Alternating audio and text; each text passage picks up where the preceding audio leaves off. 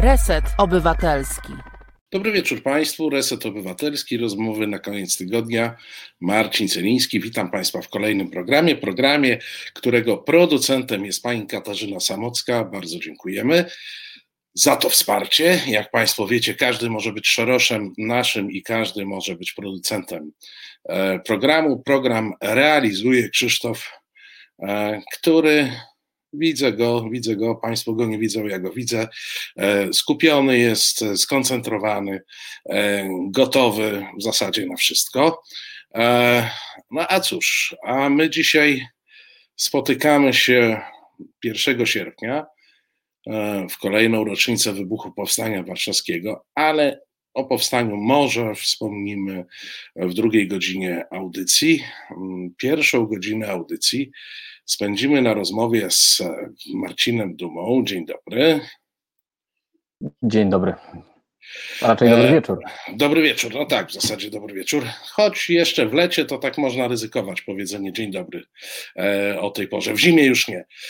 E, szef Ibris, no i pierwszym powodem, ale nie jedynym, naszego spotkania jest masowo komentowany e, efekt Tuska, który w mojej ocenie tak publicystycznie zastąpił winę Tuska. Przedtem wszystko było winą Tuska, teraz wszystko jest e, efektem e, Tuska. Efekt Tuska, który no nie wiem jak dla opozycji, ale z badań, które przeprowadziliście, no tydzień temu była chyba publikacja wyników e, z badań tych, e, badania te pokazują, że dla opozycji, jak dla opozycji, ale dla Platformy czy Koalicji Obywatelskiej, to na pewno powrót Tuska i efekt e, Tuska był ważny i to pozytywnie ważny. No, no, najpierw musielibyśmy zdecydować, co definiujemy jako, jako pozytywny. No pozytywne dla nich. No wzrost, e, zakładam, że wzrost notowań dla jakiejś partii jest dla niej pozytywny. E, tak, to znaczy, tak sobie doprecyzowując, to myślę, że e, trzeba by sobie to jakby jasno powiedzieć, że efekt Tuska jest korzystny dla koalicji obywatelskiej. Czy on będzie korzystny dla opozycji, to dopiero zobaczymy. Bo jeśli sobie tak analizujemy, to w jaki sposób zadziałał ten powrót Donalda Tuska, to pierwszym takim takim elementem, takim dość nienachalnie rzucającym się w oczy, jest y, znaczna przecena ugrupowania Szymona Hołowni, czyli Polski 2050 i wzmocnienie się y, kosztem oczywiście y, Szymona Hołowni Koalicji Obywatelskiej. Czyli niejako odwróciły się te role, które obserwowaliśmy przez ostatnie miesiące do powrotu Donalda Tuska. W tym kontekście można powiedzieć, że to y, ten powrót y, z emigracji Donalda Tuska na pewno uratował Platformę Obywatelską przed y, spadkiem w takie, w takie rejony sondażowe, gdzie pewnie dosyć trudno byłoby ją, trudno byłoby ją reanimować. No, ale powiedz, to jest tak, że wrócił Tusk i Platforma po prostu mówiąc kolokwialnie, wzięła co swoje, no bo mieliśmy poprzednio tendencję taką, że zyskiwał ruch Hołowni, e, przynajmniej matematycznie wynikało nam z sondaży, że zyskuje kosztem Platformy. Im Platforma bardziej w dół, tym Hołownia bardziej w górę. Rozumiem, że e, Donald Tusk jako przewodniczący Platformy odwrócił trend i jakby wróciliśmy do sytuacji, nie wiem, sprzed roku, e, kiedy to Platforma miała e, takie 20 parę procent, a początkujący ruch Szymona Hołowni marzył o dwóch cyfrach tak, no, wróciliśmy, wróciliśmy trochę do sytuacji e, sprzed pojawienia się Szymona e, Hołowni, no bo jego pojawienie się e, zmieniło tą opozycyjną e, stronę e, polskiego rynku politycznego. E, I znaczy, w ogóle podstawowe pytanie jest takie, no dobrze, ale w ogóle dlaczego się tak stało? Znaczy, co takiego Donald Tusk ma w sobie, że jego powrót no, unieważnił w jakiś sposób, tak? Te trendy, które żeśmy sobie tutaj e, mogli e, obserwować, tak? które zresztą tutaj e, w sumie dobrze to, w jaki sposób to powiedziałeś, tak? czyli e, słabnąca e, Koalicja Obywatelska, słabnąca Platforma Obywatelska i rosnący, rosnący Szymon Hołownia. I zanim opowiemy sobie Tusku, no to trzeba sobie też jakby opowiedzieć, jakie jest tło tego, czyli a dlaczego w zasadzie ten Szymon Hołownia y, zyskiwał? Bo jeśli znajdziemy odpowiedź na to, na to pytanie, to będziemy mogli sobie też odpowiedzieć, co się stało wraz z powrotem y, no, tego legendarnego pogromcy PiSu z, z lat 2007-2011, no późniejszych y, i późniejszych, późniejszych, późniejszej kadencji, która trwała do 2015 roku. Otóż tym głównym powodem tej, tego, tego rośnięcia Szymona Hołowni było to, że on był znacznie lepszym liderem niż to, co była w stanie zaproponować w zakresie liderstwa Platforma Obywatelska czy Koalicja Obywatelska. Eee, obywatele, ci, którzy chcą głosować na opozycję, przyjęli, że yy, skoro Szymon Hołownia jest bardziej wyrazisty, lepiej opowiada E, tą rzeczywistość, e, lepiej opowiada ich marzenia, no to pewnie jest tak, że te jego hasła, te jego postulaty ze skończenia z tym, z tym antypisem albo jednym, pewien symetryzm, to znaczy odrzucenie zarówno Platformy, jak i PiSu, to jest właściwie ten kierunek, który powinien być przyjęty, my to zresztą słyszeliśmy w badaniach, e, kiedy Platforma była mm, nawet wśród swoich byłych wyborców postrzegana jako pewna bariera do zwycięstwa nad PiSem. E, no ale oczywiście oni to mówili w takim kontekście, że jest ten Szymon Hołownia i on agreguje jakąś tutaj e, nadzieję. E, niemniej jednak tą, takim punktem wyjścia do oceny na kogo chcemy głosować, e, kto nam daje szansę na realizację tego, tych naszych politycznych e, oczekiwań bądź marzeń, e, to się wszystko kręciło wokół, wokół osób, które sprawowały ten, ten rząd dusz tak, w, w danym ugrupowaniu. I jest tak, że to, co była w stanie zaproponować Koalicja Obywatelska, czyli była w stanie zaproponować Borysa Budkę, no, zanim jakąś taką szerszą ławę polityków, to było zbyt mało żeby przekonać wyborcę opozycyjnego. Natomiast magia Szymona Hołowni była y, bezsprzeczna i działała. No dobrze, no to przychodzi Donald Tusk i co się dzieje? Przychodzi Donald Tusk i przychodzi polityk zupełnie innej ligi. My tu sobie okręgówką, w okręgówce gramy i tu przychodzi zawodnik, y, który gra, y, no nie chcę mówić w ekstraklasie, bo będziecie, będzie będą się nasi widzowie pewnie śmiali, no ale przychodzi z zachodniej ligi, o, niech tak będzie. Tak, tak, tak. E, I on pokazuje nam takie rzeczy w zakresie taktyki, pokazuje nam takie rzeczy w zakresie stylu gry i techniki, na jakie y, tych zawodników, których dotychczas podziwialiśmy na, e, na boisku, no oni nie są w stanie nam tego dostarczyć, tak? Czy to jest facet, który jest troszeczkę, troszeczkę z innego świata, jego umiejętności, zarówno jeśli chodzi o występowanie e, przed publicznością, formułowanie myśli, pewną bystrość polityczną, są bezsprzeczne i nie ma po stronie opozycyjnej e, takiej osobowości lidera, który dysponowałby takim potencjałem, jakim dysponuje Donald, Donald Tusk. No dobrze, no, to znaczy, ja też bym widział tutaj taki efekt, że no, przyszedł jednak e, profesjonalista, idąc tym tropem.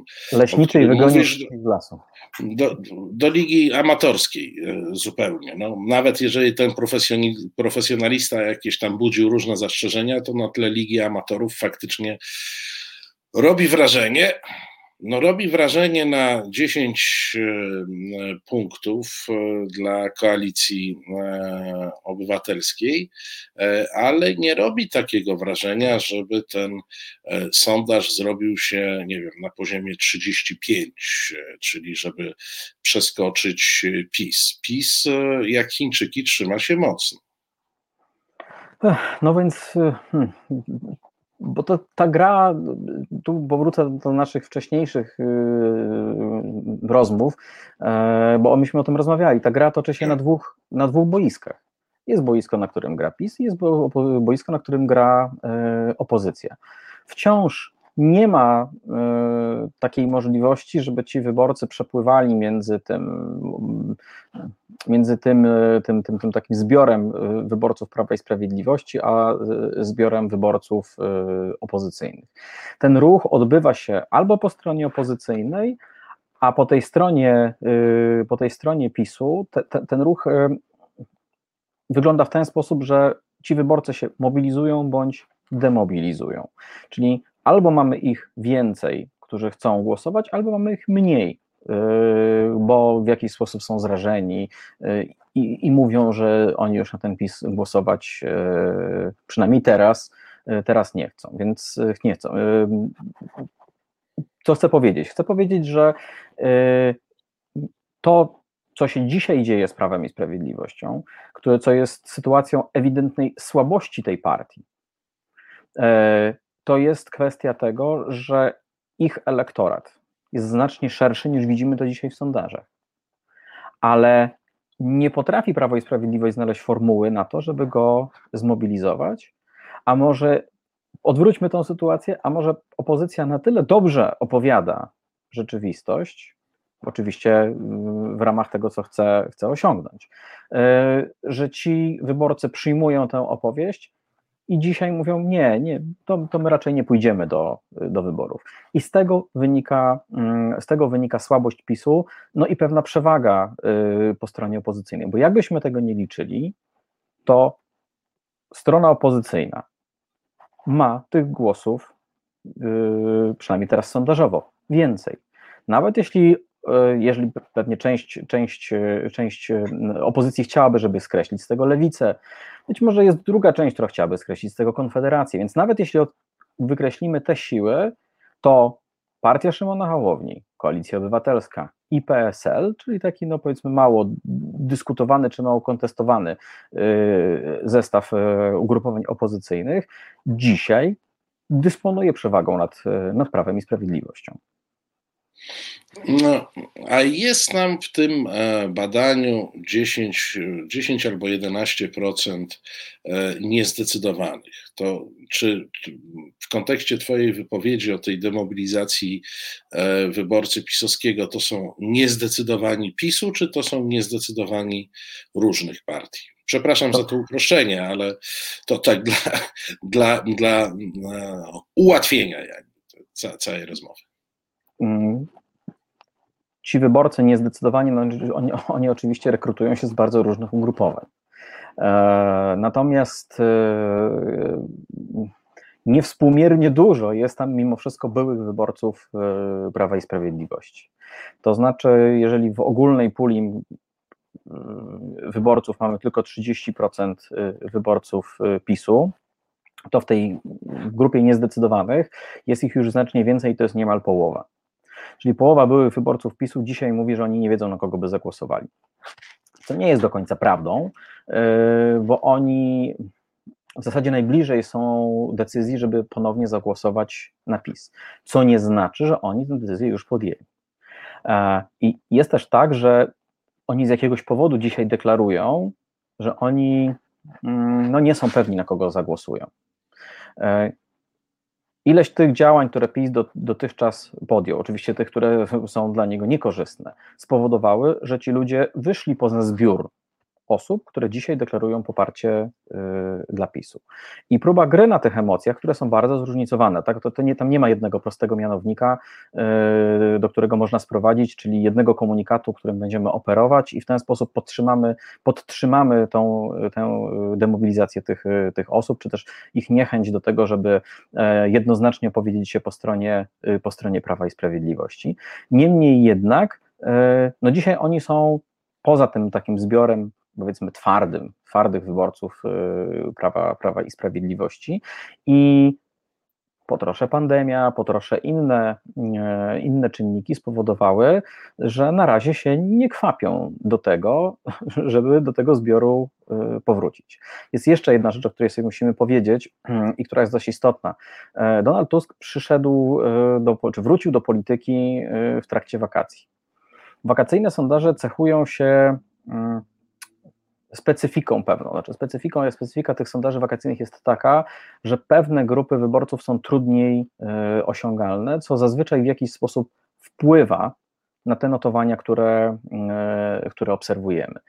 I tutaj pojawiają się e, takie głosy eksperckie, ja się pod nimi podpisuję, że na dobrą sprawę, na ten pełny efekt Tuska, powinniśmy poczekać do tych sondaży, które będą y, we wrześniu.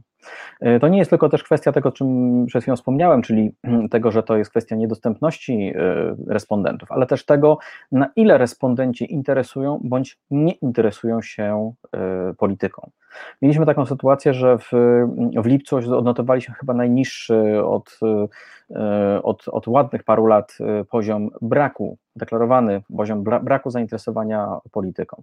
Wraz z powrotem Tuska on się trochę podniósł, ale podniósł się do takiego poziomu, jaki obserwowaliśmy w 2020 i 2019 roku, czyli mamy tych osób zainteresowanych polityką w granicach 30-33%. Reszta nie. To znaczy, że reszta naszych współobywateli nie śledzi polityki, nie śledzi pasków w telewizjach informacyjnych i nieważne, czy pasek jest żółty czy czerwony, czyli którą z tych stacji tele, telewizyjnych oni oglądają, e, do nich docierają, powiedzmy sobie szczerze, strzępki informacji, gdzie raczej pochodzą te strzępki od znajomych, od jakichś takich dyskusji y, w gronie, w gronie, w gronie y, y, najbliższych i, i przyjaciół, bardziej niż twarde wyczytywanie wszystkiego w internecie i oglądanie tych 24-godzinnych stacji informacyjnych. W tymże sondażu widać utrzymującą się tendencję lekkiego, ale jednak konsekwentnego spadku notowań lewicy. Tylko powiedz, czy ten sondaż mm, był robiony już e, po tym, jak e, Włodzimierz Czarzasty e, oczyścił zarząd partii z elementów nieprawomyślnych, czy, czy jeszcze. A, czyli jeszcze, czyli jeszcze nie mamy ewentualnego efektu mamy. Po, po, poprawienia, tak? Tak, mamy? Mamy, tak, tak, mamy, bo mm, my wbrew pozorom, jakby, ja, ja wiem z badań, to znaczy przeprowadziliśmy takie badanie, gdzie sprawdzaliśmy, e, co jest tym elementem takim, który drażni wyborców e, po stronie lewicy i kto drażni wyborców e, lewicy, tych, którzy od lewicy odeszli i tych, którzy przy lewicy jeszcze pozostali.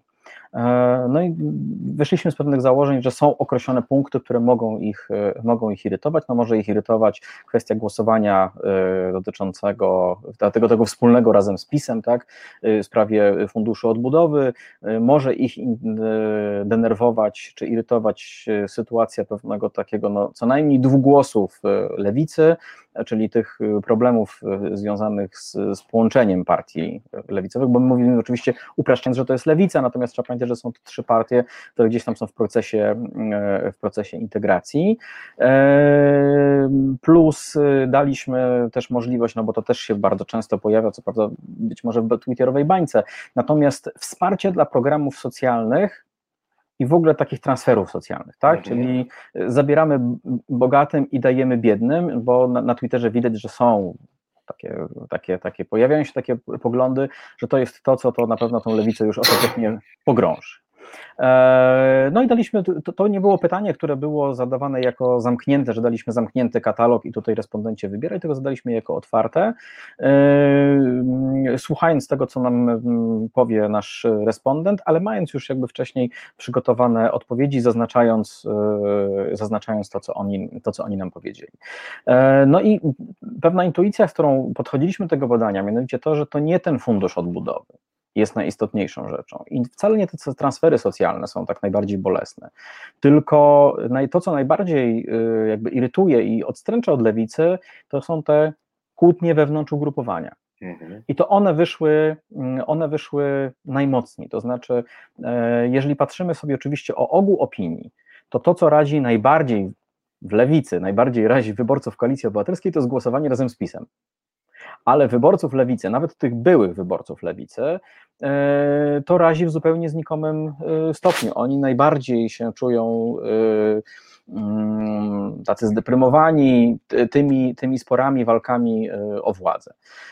I teraz tak, jeśli obserwujemy sondaże, i to nie tylko te, które robi Ibris, ale także inne, no to widzimy, że rzeczywiście ta zadyszka, zadyszka się pojawiła, chociaż nie pojawiła się ona po, bezpośrednio po, mm, po samym głosowaniu, tylko później. A pojawi, i, to, I ta zadyszka, ten spadek jest skorelowany z tym rozpoczęciem pewnej takiej, no w sumie chyba walki o władzę w tej, tej, tej, nowej, w tej nowej lewicy i ja bym przede wszystkim do tego, do tego przyporządkowywał, przyporządkowywał te, te spadki.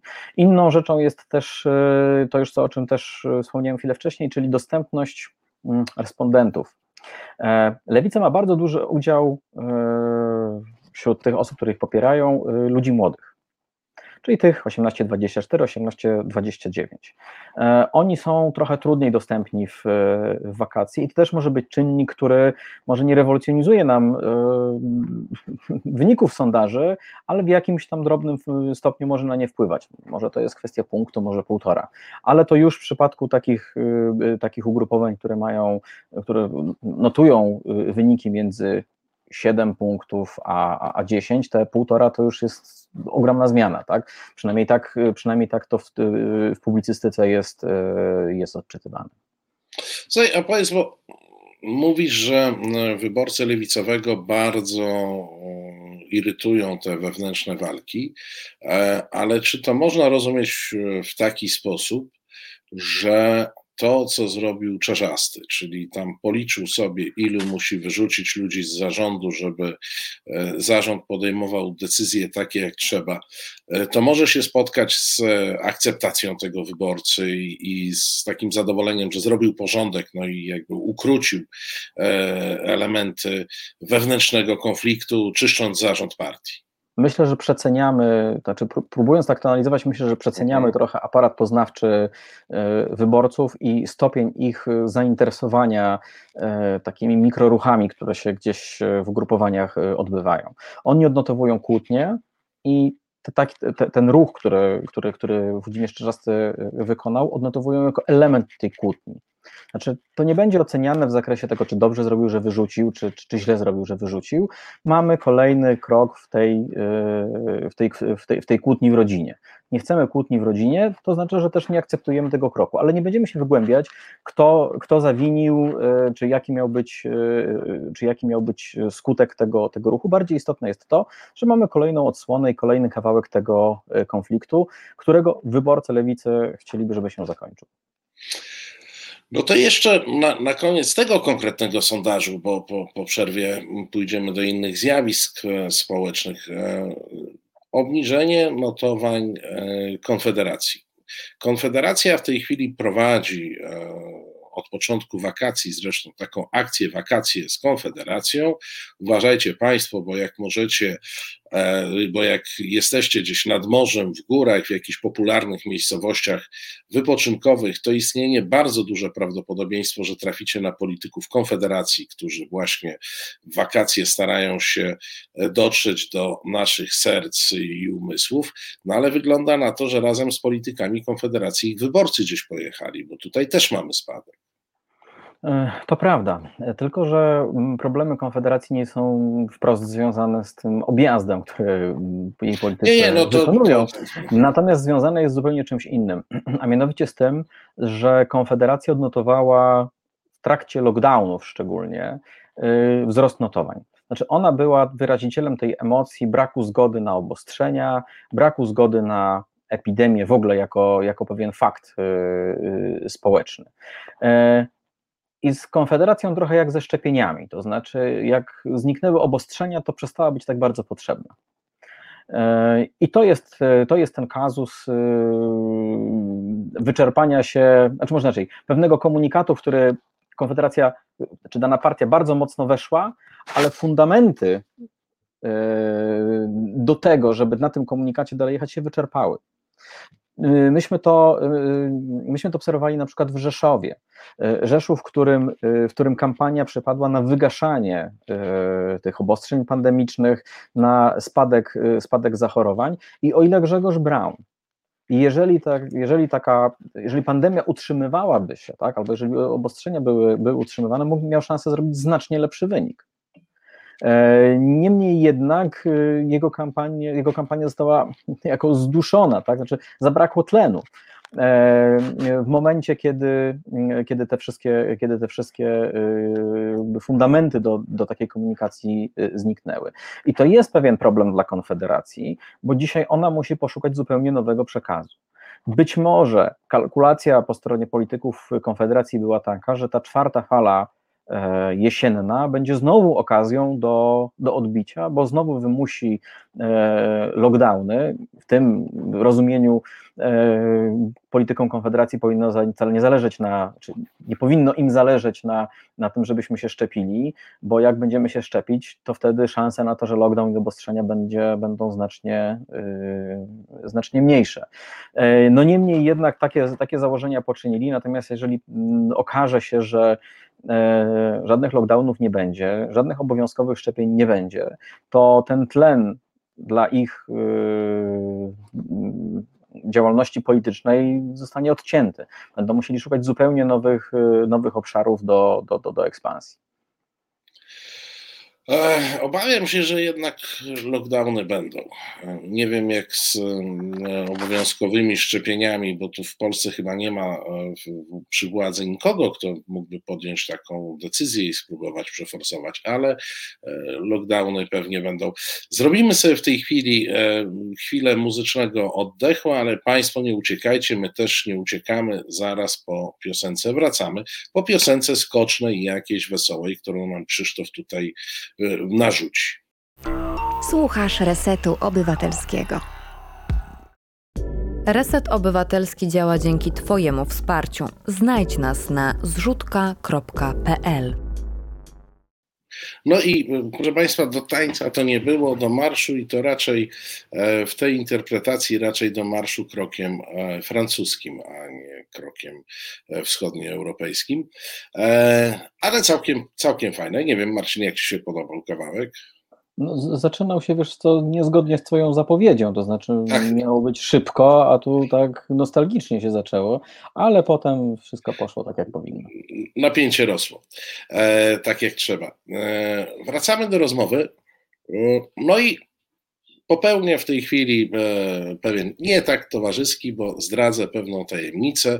Jak e, umawialiśmy się na ten program, to zapytałem e, Marcina Dumę, czy jakieś może badania były na temat Lex TVN i, i reakcji na to. I Marcinie, przyznaj się, co odpowiedziałeś. Ha, tak mnie tutaj wystawiłeś, no dobrze. to znaczy, A przyznaj się, no przyznaj się, co mi odpowiedziałeś. Problem, Problem z tym pytaniem, nie mogę powiedzieć dosłownie, e, postaram no się, no powiem dookoła. Tak. E, zgadzasz się, tak? Z, z, z tak, tak, tak, oczywiście. Okay. E, powiedziałem Ci na to, że jest pewien problem z tymi sondażami dotyczącymi Lex TVN, bo nie da się sposób e, mm, zadać tego pytania w taki sposób, żeby któraś ze stron nie poczuła y, takiej przemożnej chęci skrytykowania tego, y, tego sondażu, czy podważenia tego sondażu.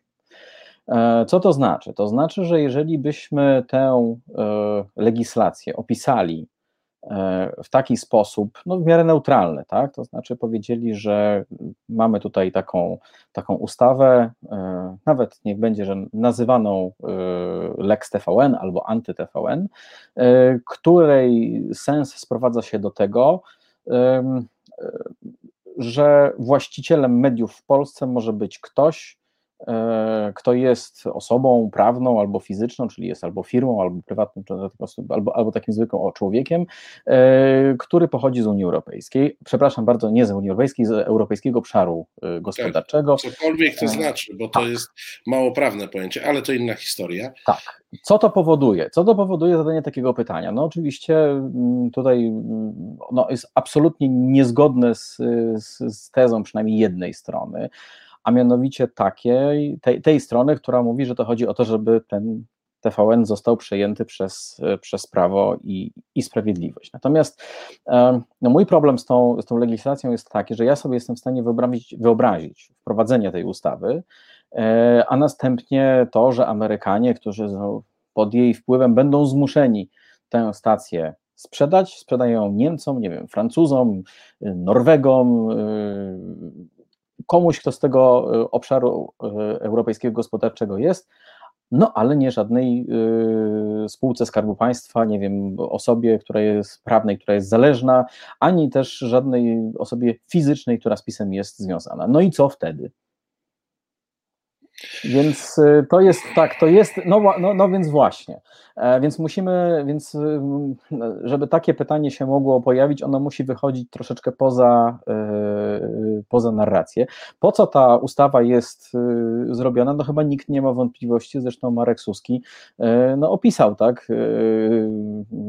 To było chyba spotkanie klubów Gazety Polskiej i tam na tym, na tym, na tym, na tym spotkaniu tak. opisał o, o co chodzi. E, natomiast konsekwencje tej, tej, tej, tej, konsekwencją tej ustawy wcale nie musi być przejęcie przez kogoś, kto z, z Prawem i Sprawiedliwością jest, y, jest związany. Dopóty, dopóki to nie nastąpi, no to musimy się obracać w takim e, e, jakby w, w takiej rzeczywistości, jaką, jaką, ona, jaką ona jest. Natomiast y, chyba gdzieś y, miałem styczność z, z, takim, z, takim, z takim pytaniem w ten sposób, w ten sposób zadanym i z jego wynikami. I wydaje mi się, że y, jest tak, że nawet jeśli zadamy je w sposób, który by wzbudził emocje i kontrowersje, że jest nieprawomyślny i nie jest zgodny z tym, co byśmy sobie e, o tej sprawie myśleli, to wyniki będą bardzo jednoznaczne. To znaczy, co to znaczy bardzo jednoznaczne? To znaczy, że Polacy niespecjalnie sobie życzą takiej, e, takiej, takiej legislacji, a najdelikatniej mówiąc, nie widzą potrzeby wprowadzania takiego prawa. E, ruszyłem tę, tę sprawę, bo to jest jakby wstęp do tego pytania, które zadam teraz. E, wiem, że są wakacje, wiem, że to trochę rozluźniliśmy, wiem, że te wakacje się odbywają już w zasadzie bez rygorów pandemicznych. No, nawet jak jakieś są, to mówmy się symboliczne i nieprzestrzegane. E, w związku z czym e, wszyscy w jakiś sposób odpoczywamy albo staramy się uciec, odpocząć. Mm, natomiast pytanie brzmi, co jest, co jest, czy co może być w tej chwili e, tematem, który Polaków najbardziej e, emocjonuje, który budzi e, emocje. Nie wiem, czy to są szczepionki, czy to jest nowy polski ład, czy to właśnie ten, ten Lex TVN e, wrzuciłem jako coś, bo przynajmniej patrząc po tych bańkach mediów społecznościowych, to to są takie rzeczy, za które dalibyśmy się pokroić i najchętniej byśmy pokroili przeciwników e, w dyskusji. E, a, a jak w masie naszej polskiej to wygląda? Co nas emocjonuje? Na pewno emocjonuje nas pandemia. To znaczy, jeżeli, i to nie, nie, nie dzielmy tego na szczepionki, nie dzielmy tego na obostrzenia to COVID wciąż rządzi naszą rzeczywistością. E, tą, którą mamy dzisiaj, teraz i tą, którą spodziewamy się e, zobaczyć za, za, kilka, za kilka tygodni. To jest w ogóle podstawowa, to jest absolutnie podstawowa sprawa. Nie ma ważniejszego tematu ani Lex TVN, ani Polski Ład. E, mm, nie są tak tak istotnym tematem, tak elektryzującym tematem, y, jak właśnie, jak właśnie, jak właśnie kwestia y, koronawirusa. I co ciekawe, pomimo tego, że są wakacje i my staramy się uciec przed tym COVID-em, y, w sensie jako tematem, tak? myśleniem o nim, zastanawianie się nad tym, czy będzie ten lockdown, czy nie będzie, czy wróci czwarta fala, czy przyjdzie czwarta fala, czy nie przyjdzie czwarta fala, to już sam fakt, że tak usilnie przed nim uciekamy, powoduje, że nie możemy się tej natrętnej myśli o covid czy tych natrętnych myśli o covid y, pozbyć. I to jest absolutnie temat, temat numer jeden. I widać to zarówno w takich analizach tego, co, co się dzieje w sieci, czego, co, co ludzie wyszukują, a z drugiej, a, a z drugiej strony to, to jest też to, co oni deklarują w, w takich badaniach, y, badaniach z jednej strony ankietowych, sondażowych, y, ale także w tych, tych badaniach jakościowych. Jeżeli już mamy na, na tapecie e, to, na ile elektryzuje nas e, Polski Ład, czy, czy, czy na ile nas elektryzuje e, TVN, no to, mm, to nie jest tak, że to są rzeczy, które są bez wpływu. Na pewno jest tak, że to, co się dzieje w sprawie tej, tego, tej ustawy anty-TVN, czy Lex TVN, udało się osiągnąć stronie opozycyjnej wspólnie z samą zainteresowaną stacją taką oto sytuację, w której, o której zresztą przed chwilą rozmawialiśmy, gdzie no delikatnie rzecz mówiąc, nie jest to pożądana zmiana w prawie, albo taka, która, mm, o którą czy za którą wyborcy obozu Zjednoczonej Prawicy daliby się pokroić. Oczywiście, że jest wąska grupa takich naprawdę twardych y, wyborców Prawa i Sprawiedliwości, którzy odczuwają głęboką satysfakcję, czy odczuwaliby głęboką satysfakcję, gdyby dostarczono im taką, to upokorzenie TVN-u. Niemniej jednak z punktu widzenia takiego hmm, szerokiego odbiorcy, i to nawet tego pisowskiego, to, to nie jest jakiś e, temat e, ani sprawa pierwszej, e, pierwszej potrzeby. Z drugiej strony mamy ten polski ład, który też wspomniałeś. To jest tak, że z tym polskim ładem są problemy. To znaczy, problemy polegają na tym, że jeżeli się ogólnie pyta, co tam z tym polskim ładem, no to wszystko tam ci ludzie są nie bardzo są w stanie cokolwiek powiedzieć, bo on wciąż nie jest dość dobrze opowiedziany. Dzieje się tak dlatego, że to wbrew pozorom jest dosyć skomplikowany mm, e, program złożony z bardzo wielu e, elementów, e, które są dla ludzi nie do końca hmm, łatwe do, do, jakby do oswojenia. To znaczy, sprawa kwoty wolnej nie do końca wszystkich, do wszystkich trafia, to znaczy, jak to działa, co oni z tego będą mieli. Natomiast ja myślę, że postawiłbym taką tezę, że jeżeli ten polski ład E, zacznie działać, to znaczy zostanie, zostaną wprowadzone określone unormowania e, prawne i ludzie zobaczą efekty tego, e, no to wtedy będziemy mogli mówić, w jaki sposób ten, będziemy w stanie ocenić, czy ten polski ład coś zmieni, czy coś wniesie, czy Polacy wciąż są gotowi na tak prowadzenie takiej, czy na udział w tej w, w grze, którą nazwalibyśmy polityka e, transakcyjna, czyli my zgadzamy się na to, żebyście rządzili, chociaż nie wszystko nam się podoba, e, no ale wiecie, rozumiecie, coś nam się z tego powodu, z tego tytułu e, należy.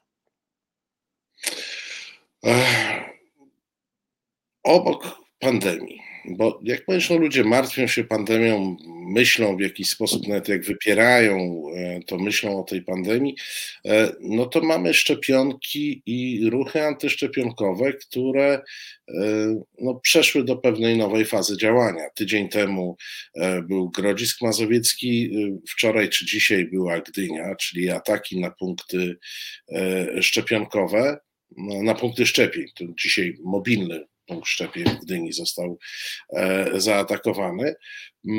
Mamy taką, powiedziałbym, miękką e, postawę rządu i sił policyjnych. Jeszcze tydzień temu, to bym powiedział, byli zaskoczeni w Grodzisku, no ale dzisiaj w Gdyni powtórzyła się sytuacja, gdzie e, panie, bo akurat to był żeński skład w, w tym punkcie mobilnym, no były zostawione samym, samym sobie, tak? Musiały sobie radzić e, z agresywnym, dosyć kilkunastoosobową grupą. E, czy wiemy coś co to oznacza w skali populacji ta antyszczepionkowość zaciekła, e, no, którą widzimy w postaci kilkunastu czy kilkudziesięciu osobowych e, grup, natomiast e, jak Polacy na to patrzą?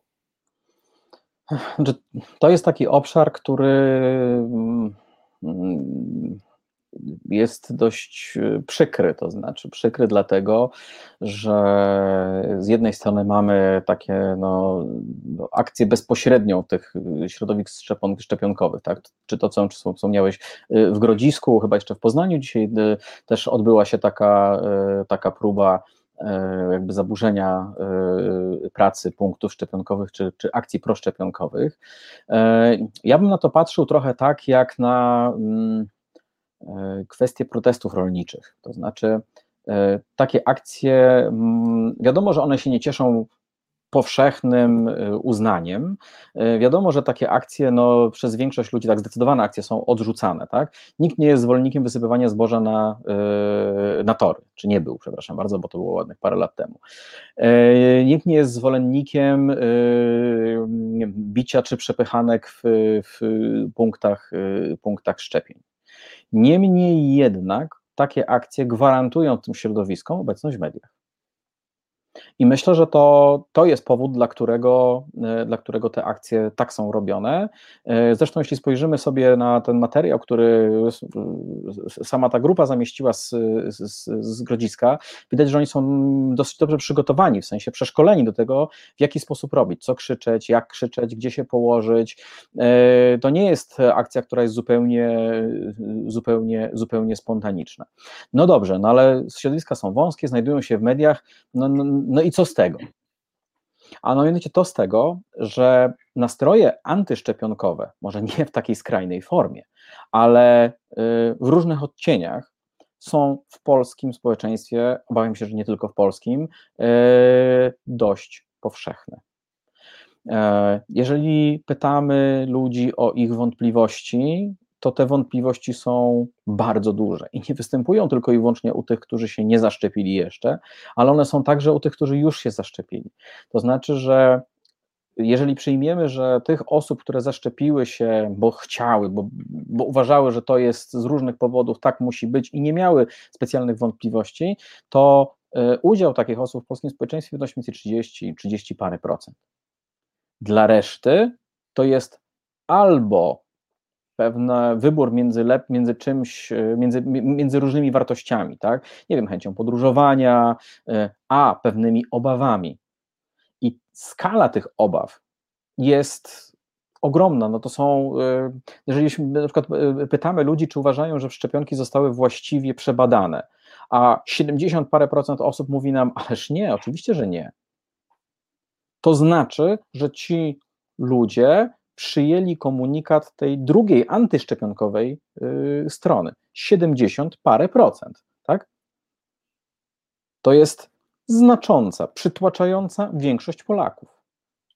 Już nie będę mówił o innych, y, o innych tych tezach, anty, tych, które stanowią podstawę do, y, do bycia tym, czy, czy, czy pewnych poglądów y, antyszczepionkowych. Natomiast inne tezy wcale nie są słabsze. To są wskazania rzędu 50%, 40%.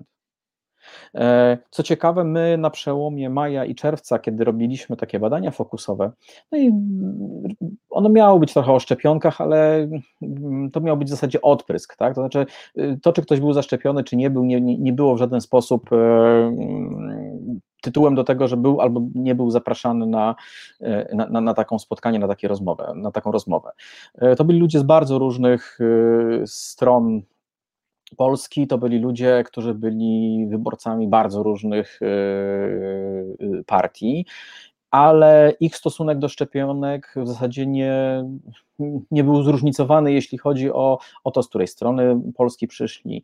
Nie był zróżnicowany na to z punktu widzenia tego, na którą partię głosowali. E, także to jest emocja, która jest bardzo powszechna. I E, być może ten brak e, takiej ostrej, jednoznacznej e, reakcji przeciwko tym, tym akcjom szczepionkowców związany jest ze świadomością tego, że te poglądy w mniejszym bądź większym stopniu, ale są podzielone przez znaczną część społeczeństwa.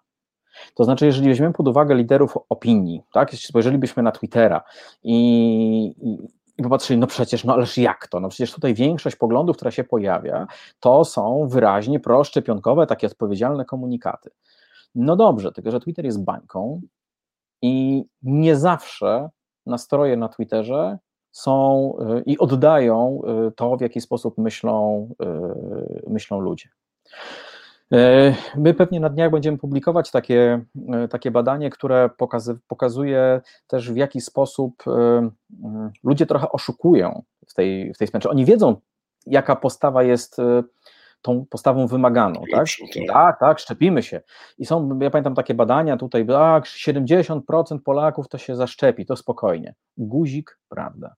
To znaczy, jeżeli my ich pytamy, czy oni się zaszczepią, to tam wyniki są kosmiczne. Wszyscy się zaszczepią, albo już najlepiej się zaszczepili. Ale jak sobie to poskrobiemy trochę i zaczniemy weryfikować y, y, y, tą chęć do zaszczepienia, czy to, że już zostali zaszczepieni, o inne dodatkowe pytania, to nagle się okazuje, że ta sytuacja wcale nie jest taka, taka prosta. I wśród tych osób, które twierdzą, że już się zaszczepiły, nagle okazuje się, że istotny odsetek ukrywa się osób, które nie tylko, że się nie zaszczepiły, ale wcale nie mają takiego zamiaru. No tak, zresztą jak mówisz, że wszyscy deklarują, że się zaszczepili albo zaraz się zaszczepią, to jak zestawimy ze statystykami szczepień, to jednak e, chyba jest w rzeczywistości trochę inaczej i z tym, że punktami szczepień w tej chwili e, interesują się przede wszystkim antyszczepionkowcy, bo kolejek e, chętnych po szczepionki nie ma, tylko e, słyszymy, e, jeśli e, wtedy, jeśli jest jakiś atak. Na koniec rozmowy ostatni temat. Dzisiaj przeczytałem, że Rzeczpospolita opublikowała ba badania nie, nie waszej pracowni, jakiejś innej pracowni, nie pamiętam w tej chwili nazwy. E, o, właśnie, chodzi o badanie, z którego wynika, że e, rośnie systematycznie odsetek Polaków, e, którzy uważają, że polexit byłby fajny. No, wprawdzie ten odsetek nie jest jeszcze 50%, bo tam chyba 17%, ale rośnie. No to mówi, można mówić o jakimś trendzie. O trendzie moglibyśmy mówić, jakbyśmy mieli dwa takie same porównywalne badania. Natomiast e, na pewno te 17, 17% e, w badaniu internetowym powinno być niepokojące, a może jeszcze inaczej. Jeżeli te 17% nas nie niepokoi, to powinniśmy się w tym badaniu przyjrzeć 60 chyba 2% osób, które mówią, żeby no, żeby chciały, żeby Polska pozostała w Unii Europejskiej. I w mojej ocenie te 62% jest bardziej niepokojące mhm. niż te 17, bo tam w tym sondażu było 20 czy 20 parę procent osób, które mówiły, że one nie wiedzą. Jak ktoś mówi, że nie wiem w takiej, w takiej sprawie, gdzie wiadomo, jaka jest obowiązująca jakby taka narracja, tak, europejskości i tak dalej, to można mieć poważne wątpliwości, czy on aby przypadkiem nie jest e, jedną nogą albo nawet dwiema po tej drugiej, nie, tak. po tej drugiej stronie. Dokładnie tak. Oczywiście to, co teraz mówię, to są takie mało naukowe dywagacje i pewne hipotezy, natomiast e, mimo wszystko, kierując się pewną ostrożnością, pewnie tak należałoby na te wyniki, e, na te wyniki patrzeć. Czy, co się w ogóle wydarzyło? Dlaczego, dlaczego, tak się, dlaczego, tak się, dlaczego tak się dzieje? Czy to jest pewien problem, który mm, nie dotyczy tylko Polski? Są badania, które wyraźnie pokazują, że ta idea europejskości, ona przeżywa kryzys. I to nie jest kryzys tylko, który jest udziałem, yy, który jest udziałem, udziałem Polski. Yy, jest tak, że pandemia bardzo mocno nadszarpnęła Mm, to, w jaki sposób postrzegamy Unię Europejską. E, tu pewnie byś mnie dopytał, no dobrze, ale czy te działania, które podejmuje obecna władza, w jakiś sposób nie, nie działają? Na pewno to, co robi Zbigniew Ziobro, y, w jaki sposób przysłu, przysłużyło się temu, czy mogło się przysłużyć temu, że, takie, że takich osób, które mm, e, widzą więcej wad Unii Europejskiej niż korzyści, e, jest więcej. Ale jest też jeszcze jedna sprawa, tak tutaj bardzo symetrystycznie pójdę, pozwolisz? Trudno, dawaj, dajesz. A mianowicie, ja dość dobrze pamiętam kampanię e, referendalną mm, do Unii Europejskiej. I pamiętam, e, pamiętam, jak w tej kampanii jedną z takich istotnych rzeczy, która była podnoszona w ramach pewnych obietnic, która została obywatelom złożona, było to, że Unia Europejska nie będzie się dotykać spraw obyczajowych. To było bardzo ważne i to była jedna z takich rzeczy, która być może przeważyła o tym, że to referendum było mm, e, udane i że jesteśmy dzisiaj w Unii Europejskiej. Natomiast e, wraz z tym, jak Unia Europejska się zmienia, no bo Unia Europejska się zmienia, tak, to, to nie jest ta, dokładnie ta sama Unia, do której wstępowaliśmy. Tak? Ona mm, zajmuje się znacznie większą, większym obszarem e, rzeczy, ona ewoluuje. Na pewno tej Unii Europejskiej jest więcej niż było, kiedy, kiedy wstępowaliśmy. Natomiast y, mm, ona, ta Unia Europejska, upomniała się także o sprawy obyczajowe. I wydaje mi się, że niezależnie od tego, co robi większość y, y, obecna, tak, rządowa, no wciąż większość, to to jest taki element, mm, który może działać na, e, na część tych takich bardziej konserwatywnych, e, konserwatywnych obywateli. No czekaj Marcin, no. wejdę Ci słowo, no ale to mhm. w tym momencie przeczysz pewnej tezie, którą nieraz także w rozmowach naszych głosiłeś, że wyborca jakoś szczególnej pamięci nie ma. Więc jakoś tak nie chce mi się wierzyć, żeby pamięć nasza sięgała. Tego referendum. On nie, te, ja do nie, tego nie... referendum, bo ja też A, doskonale pamiętam, byłem jakoś tam zaangażowany e, w kampanię. E, Marcinie, to nie w, tym, nie w tym rzecz. Nie w tym rzecz, że on pamięta, że mu obiecywano. E, tylko ważne jest to, dlaczego mu to obiecywano. To obiecywano mu to dlatego, że to był obszar, który był ważny. I dla jakiejś części ludzi on wciąż ważny jest. To znaczy, że Unia Europejska, y, czy może inaczej, że te sprawy obyczajowe to nie są rzeczy, gdzie on chciałby widzieć jakieś instytucje, które mu tutaj y, wchodzą i, i będą to regulować. E, jeżeli Ale to wiesz, dotyczy e, aborcji, jeżeli to dotyczy mhm. aborcji, to jest jeszcze pewnie pół biedy, bo jakoś tam by sobie to znieśli. Ale ta rewolucja e, w jakiś sposób dla, dla jakiejś części Polaków, ta rewolucja obyczajowa, która dotyczy praw mniejszości LGBT, plus, to jest, to jest taka rzecz, do, którą, która być może dla nich dzieje się za szybko. To nie to chodzi, że oni są na nią. Marcin, wiesz co, ale mhm. Czy to nie jest tak, że to, co, o czym mówisz w tej chwili, to znaczy o to, że e, Unia, ta sympatia do Unii, czy tam jakieś różne, że to się przewartościowuje z racji pandemii, e, i teraz to, co mówisz o pewnej e, ewolucji społecznej, że to też się skupia na Unii, czy to przypadkiem nie jest tak, że Unia Europejska jest takim nowoczesnym Żydem, który jest winien wszystkiemu? No bo wiesz, za walkę z pandemią odpowiedzialny były rządy e, krajowe. Tak? Tu, tutaj e, jedyne, co Unia, e, w czym Unia faktycznie pomogła, to ten wspólny mechanizm zakupowy. Natomiast od początku było wiadomo, że mamy lepiej albo gorzej, i to jest decyzja naszego premiera, naszego prezydenta. Stąd też różne państwa w Unii Europejskiej różnie sobie z tą pandemią i różnymi metodami radzą. Natomiast tutaj też nie masz, e, no chyba, że wierzymy w narrację Ziobry, e, takiej prostej, e, namacalnej interwencji Unii Europejskiej w tych sprawach, o których mówisz, obyczajowych. No nie, no, spór jest polski. Spór o aborcję i o orzeczenie Trybunału Przyłębskiej jest polski. Spór o strefy wolne od LGBT także jest bardzo polski. Ja tutaj nie widzę w tym Unii Europejskiej. Eee, tak, ale. To znaczy, e, first things first. Najpierw, najpierw, najpierw pandemia.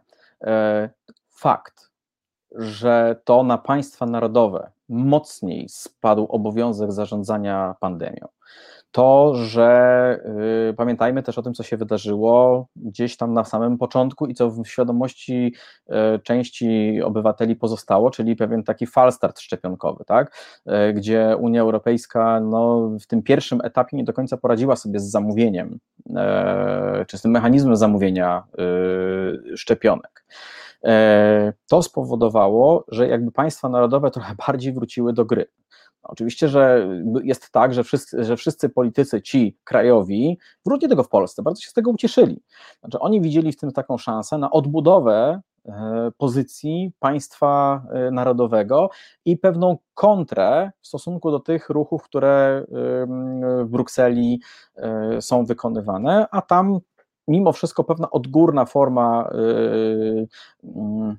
integracji europejskiej się się dzieje, tak? To znaczy y, Komisja Europejska mimo wszystko poszerza swoje, swój, zakres, y, swój zakres działania. Y, aktywność SUE powoduje, że skala i zakres tego, co Europa, o czym Europa decyduje, jest większy. Dzieje się oczywiście tak z, ze względu na, no, na to, na co się zgodziliśmy, czyli dzieje się tak ze względu na traktaty. Niemniej jednak istotne jest to, w jaki sposób opowiadamy to yy, obywatelom. A niestety jest tak, że przez pandemię państwa narodowe i politycy ci narodowi, krajowi mieli do powiedzenia więcej. I to jest raz. Dwa, e, jeżeli mówimy o, o tym LGBT, to to jest sprawa wyłącznie polska i może trochę węgierska. I jest tak, że ta narracja, którą dzisiaj rządzący Polsce prezentują, to jest tak, przychodzi Unia Europejska i chce nam tutaj, wiecie, rozumiecie, zrobić rewolucję. Żeby to chłopak z chłopakiem, z, z dziewczyną, albo że to w ogóle ktoś się rodzi yy, jako mężczyzna i co, i on nagle nie jest mężczyzną. Yy, I oni chcą nam takie rzeczy tutaj u nas w Polsce yy, robić. A wara wam od tego. I to jest yy, komunikat, który znajduje posłuch, znajduje słuchaczy, nie tylko dlatego, że są wyborcami PiSu i jakby łykają wszystko to, co, to, co im y, PiS opowie, ale to jest coś, gdzie oni sami mają jakieś tam wewnętrzne wątpliwości albo poziom dyskomfortu i kiedy słyszą te tezy, to utwierdzają się, że okej, okay, czyli ja jednak nie myślę znowu tak zupełnie źle, albo nie czuję tak zupełnie źle. Tylko, że w takim, w takim y, narysowany, tak narysowanym podziale, no ktoś jest po naszej stronie, a ktoś jest po tej drugiej stronie. Tylko, że po tej drugiej stronie ląduje Unia Europejska. No, czyli postawiona przeze mnie teza jest do jakiegoś stopnia, e, do jakiegoś stopnia uzasadniona. No, ktoś musi być winien. E, swego czasu winni byli Żydzi, teraz będzie winna e, Unia Europejska. Bo polityka polega na tym, że musimy podzielić ludzi, tylko że w taki sposób, po którym że po naszej stronie jest więcej. I całość polityki w zasadzie sprowadza się do tego, żeby wymyślić taki podział i go jeszcze wdrożyć i zrealizować, w którym właśnie tak będzie. Marcinie, bardzo Ci dziękuję za dzisiejszą e, rozmowę. Dzięki za ten wieczór. Kłaniam się i dobrej reszty wieczoru. Dobrego wieczoru. Dzięki. Proszę Państwa, a my oczywiście w tej chwili wrzucimy na luz e, chwila muzycznego oddechu, ale zaraz wracamy. Słuchasz Resetu Obywatelskiego. Znudzeni mainstreamowymi newsami? Czas na Reset Obywatelski. Zaangażowane dziennikarstwo. E, kontynuujemy rozmowy na koniec tygodnia. Marcin Celiński, Reset Obywatelski. Producentem naszego programu jest pani Katarzyna Samocka. Bardzo dziękujemy. Realizuje nadal Krzysztof e, dzielnie. E, trzyma tu wszystko w ręku.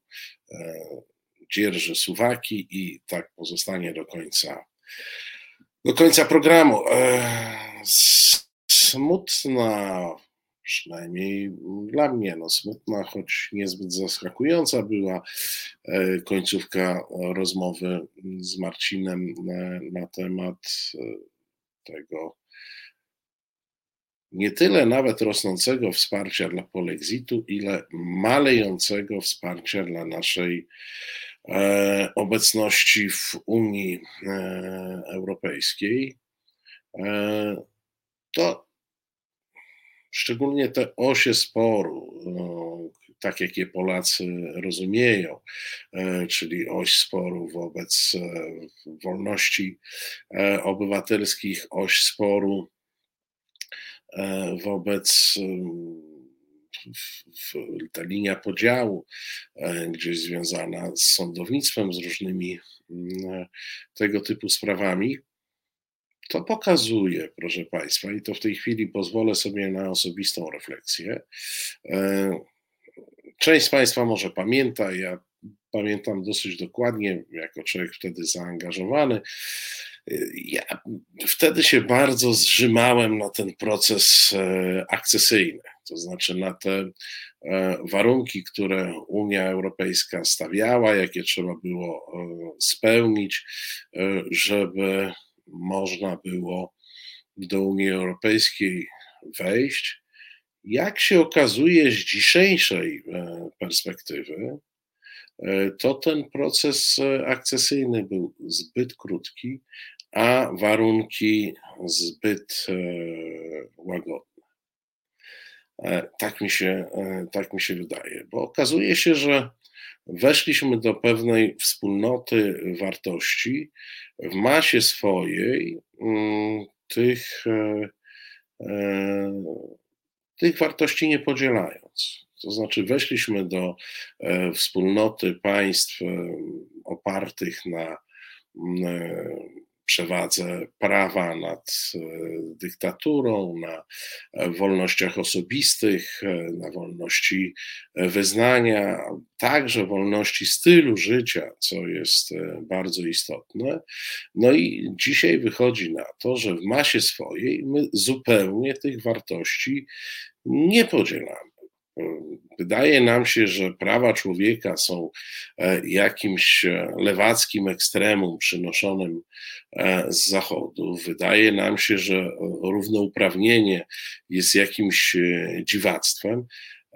Wydaje nam się, że rządy prawa są jakimś wynaturzeniem i tak w masie swojej polskiej o tym jesteśmy przeświadczeni, w momencie, kiedy weszliśmy do wspólnoty, w której nikomu do głowy nie przychodziło, e, żeby te wartości kwestionować. One były oczywiste, więc z dzisiejszej perspektywy wydaje się, że warunki, jakie nam postawiono, nie tylko nam zresztą, bo zobaczcie, ten problem jest z Europą E, środkową. No, to nie jest przypadek, że akurat Węgry są takim e, dziwnym miejscem, e, że Polska jest takim dziwnym miejscem, że te warunki były chyba za słabe. Może trzeba było tę poprzeczkę postawić inaczej.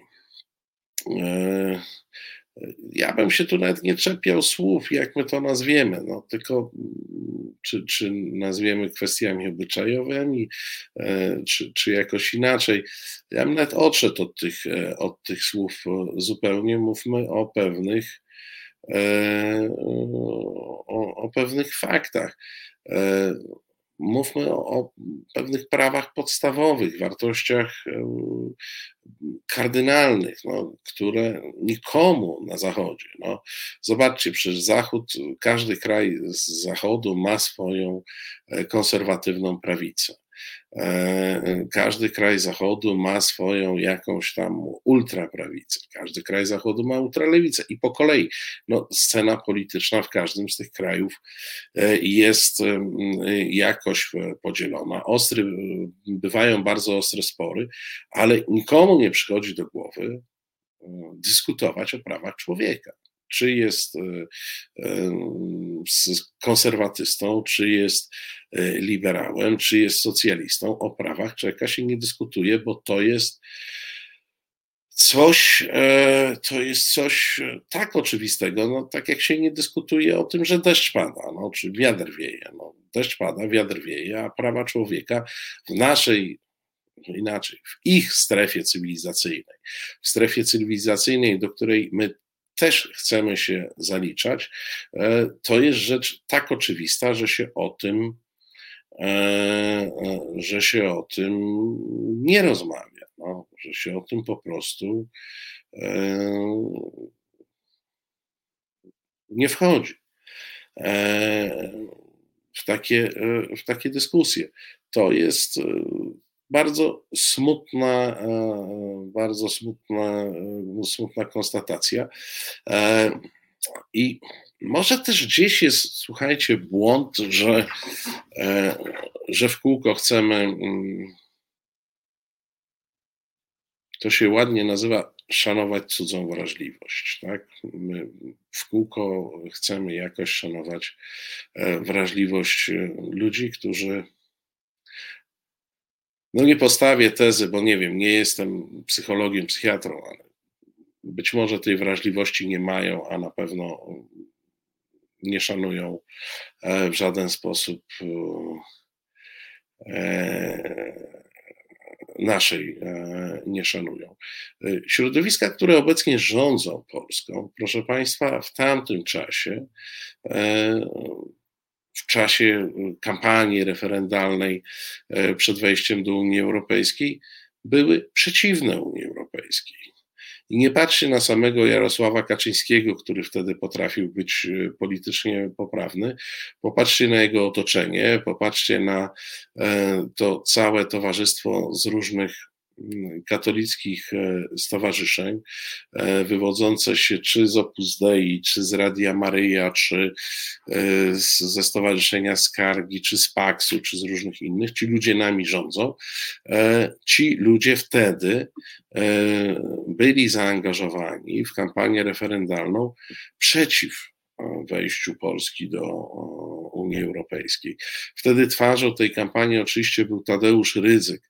E, wtedy głównym medium e, tego sprzeciwu było Radio Maryja e, i wtedy ci ludzie najczęściej byli rozproszeni w jakimś planktonie, no bo nie było PiSu i tym, i tym podobne, ale oni dzisiaj rządzą, więc rządzą oczywiście między innymi dzięki temu, że oni do tych swoich e, fobii europejskich się nie przyznawali. PiS w 2015 roku nie był partią antyeuropejską, PiS e, partią antyeuropejską zrobił się w trakcie e, swoich rządów. Natomiast patrząc na tych ludzi, na ich życiorysy, no oni są wierni swoim poglądom z tamtego czasu. E, oni nadal są przeciwnikami Unii Europejskiej, tylko że wtedy to mm, był jakiś polityczny, rozproszony e, plankton. W tej chwili są to ludzie, którzy są e, premierami, ministrami i dostali przeróżne mm, narzędzia do tego, żeby swoje poglądy wprowadzać w życie i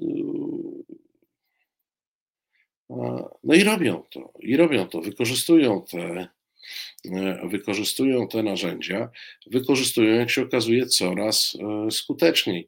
E, ja mam takie poczucie, że te mm, lata rządów PiS to jest w ich wykonaniu nieustanne testowanie, jak daleko oni mogą się posunąć i jak bardzo mogą nas do polexitu zbliżyć. E, jeszcze niedawno wszyscy chórem zaprzeczali. E, jeszcze niedawno wszyscy oni zaprzeczali, e, że chcą polexitu. W tej chwili już nie wszyscy zaprzeczają, a być może za jakąś chwilę mm, wszyscy powiedzą, że tak, polexit to jest coś fajnego. Zresztą popatrzcie na mm, no nie namawiam do tego, żeby zwiększać mm, e, oglądalność telewizji e, pana Kurskiego, e, ale zajrzyjcie w ramówki, w, program, co tam się dzieje. Zobaczcie, jaka kultura jest tam promowana, jakie seriale kupujemy za granicą i za którą granicą. I popatrzcie, ile tam można zobaczyć obrazków i reportaży, e, jak, to, jak to no, Brytyjczykom po Brexicie jest e, wspaniale. Naprawdę, to jest jeden z głównych w tej chwili sączonych przekazów TVP Info, kiedy pokazują różne obrazki takich bardzo szczęśliwych Brytyjczyków, jak oni wyszli y, z tej Unii Europejskiej, to jest im już zupełnie lepiej, zarabiają, e, zarabiają lepiej i w ogóle czują się lepiej i no, same e, superlatywy. Miria pisze jeszcze niedawno kłamstwo było wadą. No, jeszcze niedawno. Mm, e, sam Lex TVN, proszę Państwa, no, Lex TVN jest e, niczym innym, może trochę inaczej motywowanym, ale dokładnie tym samym procesem, e, jaki 20 lat temu się odbywał, który przeszedł do historii pod nazwą afery Rywina. Przypomnę, że w aferze Rywina także chodziło o legislację, skrojoną pod e, konkretne e, potrzeby, bieżące potrzeby polityczne. Tam doszła jeszcze jakaś propozycja korupcyjna, ale generalnie w lub czasopismach chodziło o ustawianie rynku medialnego pod potrzeby polityczne i powiedziałbym, tam jeszcze chodziło o takie dosyć lekkie, lajtowe ustawianie ustawianie tej legislacji. W tej chwili, no i, i pamiętacie, jak sprawa wyszła na jaw, komisja śledcza, E, trzęsienie ziemi. Przecież afera Rywina zmieniła układ e, polityczny e, w Polsce.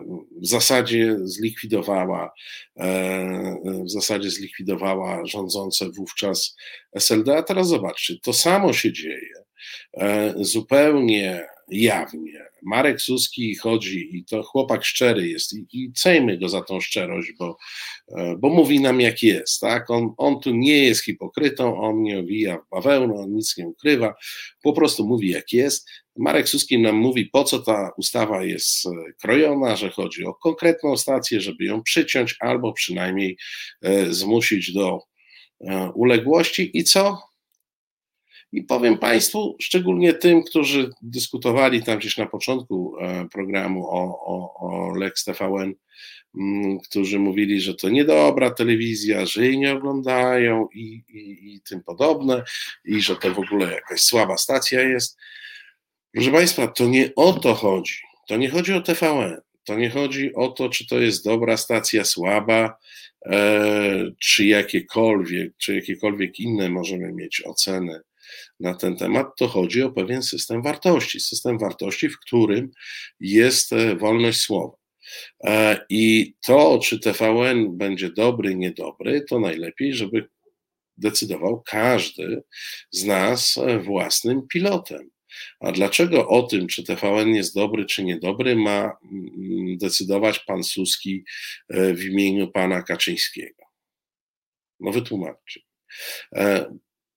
Ja, no, co nie jest tajemnicą, podpisałem się e, pod e, listem e, dziennikarzy w sprawie Lex TVN i powiem Państwu, że gdyby ktoś kiedyś, co jest pewnie mało możliwe, ale gdyby ktoś kiedyś chciał takim samym zabiegiem likwidować TV Republika, to też się podpiszę pod listem i także będę e, protestował, e, bo to ja pilotem sobie wybiorę, którą stację e, chcę oglądać, a nie wolno, to znaczy na, w tej strefie cywilizacyjnej, do której my aspirujemy, nie reguluje się tego ustawowo. I to nie o to chodzi, czy ja lubię treści, e, które są w danej telewizji, e, czy nie. I to nie o to chodzi, czy e, ja się zgadzam, co w tej telewizji jest, czy nie. Pierwsze, z czym ja się zgadzam i, i za czym będę obstawał zawsze, to jest to, że każdy ma mieć prawo do własnego głosu, a władza polityczna powinna trzymać się od systemu mediowego jak najdalej. Bo za każdym razem, kiedy władza polityczna wchodzi e, w system e, mediowy, e, to umiera część demokracji, umiera część wolności jednostki. Tak, bo to jest nasza wolność. Nasza wolność to jest także to, że możemy sobie opowiadać, że TVN jest niedobry. A jak tego TVN-u nie będzie, to odbiera nam się tą część e, naszej wolności, która e, na taką, na ocenę taką, e, na e, ocenę taką e, pozwala. Mm, e, jest, e, proszę Państwa, e, probierzem tej, e, tego, tej przynależności do cywilizacji łacińskiej. Kilka takich probierzy jest. Na pewno podstawowy to jest probierz to jest stosunek do praw człowieka. To znaczy, jeżeli ktoś się zastanawia nad prawami człowieka, to znaczy, że nie należy do cywilizacji łacińskiej, a przynajmniej na obecnym e, etapie e, rozwoju. E, jeżeli ktoś kwestionuje i dopuszcza, żeby władza mogła regulować treści medialne, to także nie należy do tej cywilizacji. Pani Barbara pyta, jeśli stacja kłamie i szczuje, to ma prawo bytu, a jeśli ktoś kłamie i szczuje, to na to mamy kodeks karny, e, na to mamy kodeks cywilny w zależności od tego, e, jaka jest to, mm, jaka jest to stacja. Proszę Państwa, no nie pytajcie, czy jak ktoś jest przestępcą, E, to, to ma prawo bytu. Jak ktoś jest przestępcą, e, to powinien zostać e, ukarany. To jest w ogóle, to jest taka alogiczna konstrukcja. Tak? Nie, jeżeli ktoś popełnia przestępstwo, ma być ukarany. E, natomiast e, ingerencja w rynek medialny e, nie jest ani formą kary, to w ogóle nie mieści się. Od tego jest kodeks karny. Jeżeli jest to szczucie, jeżeli jest to obrażanie i tak dalej, jest kodeks cywilny, są na to odpowiednie przepisy. Zresztą a propos tych przepisów, powiem Państwu, bo to nie jest powszechnie znane. Zgodnie z ustawą o radiofonii i telewizji, TVN24, czy jakakolwiek stacja, która już miała koncesję, powinna mieć ją przedłużoną e, z automatu, o ile nie było wobec jej działalności zarzutów o charakterze karnym i tak dalej. Wobec tej stacji nie było takich zarzutów, w związku z czym ona wedle dzisiaj dzisiaj obowiązującego prawa powinna mieć przedłużoną koncesję e, z automatu. E, proszę Państwa, tylko że to Charlie Belt pisze, padnie TVN, za chwilę Onet po frynie e, wirtualną przerobią pod wpływem nacisków, a Interia to już Polsat, pozostaje Gazeta Wyborcza, tu zaraz coś wymyślą i będzie koniec. Więc oczywiście, że do tego wszystkiego, poza tą ogólną e, sytuacją, która opiera się na wartościach, to jest to cały czas ta sama taktyka salami. E, dzisiaj TVN, a jutro się okaże, że e, Szwajcarzy, którzy są właścicielami, którzy są właścicielami Onetu to też jest jakaś zbędna nacja e, niebezpieczna. I tak po kolei, zresztą w tej propozycji, która miała być propozycją kompromisową pana Kołodziejskiego, e, przewodniczącego Krajowej Rady Radiofonii, on złożył taką propozycję, żeby e, jakby w przypadku stacji, e, które nie nadają naziemnie w multiplexach, tylko nadają satelitarnie, taką jest TVN, żeby znieść koncesję i wprowadzić jakieś pozwolenie, czyli teoretycznie on tutaj proponował rozluźnienie e, tego prawa, ale dopisał tam tak drobnym druczkiem, że jak TVN e, będzie potrzebował zezwolenia, to uwaga, media internetowe także.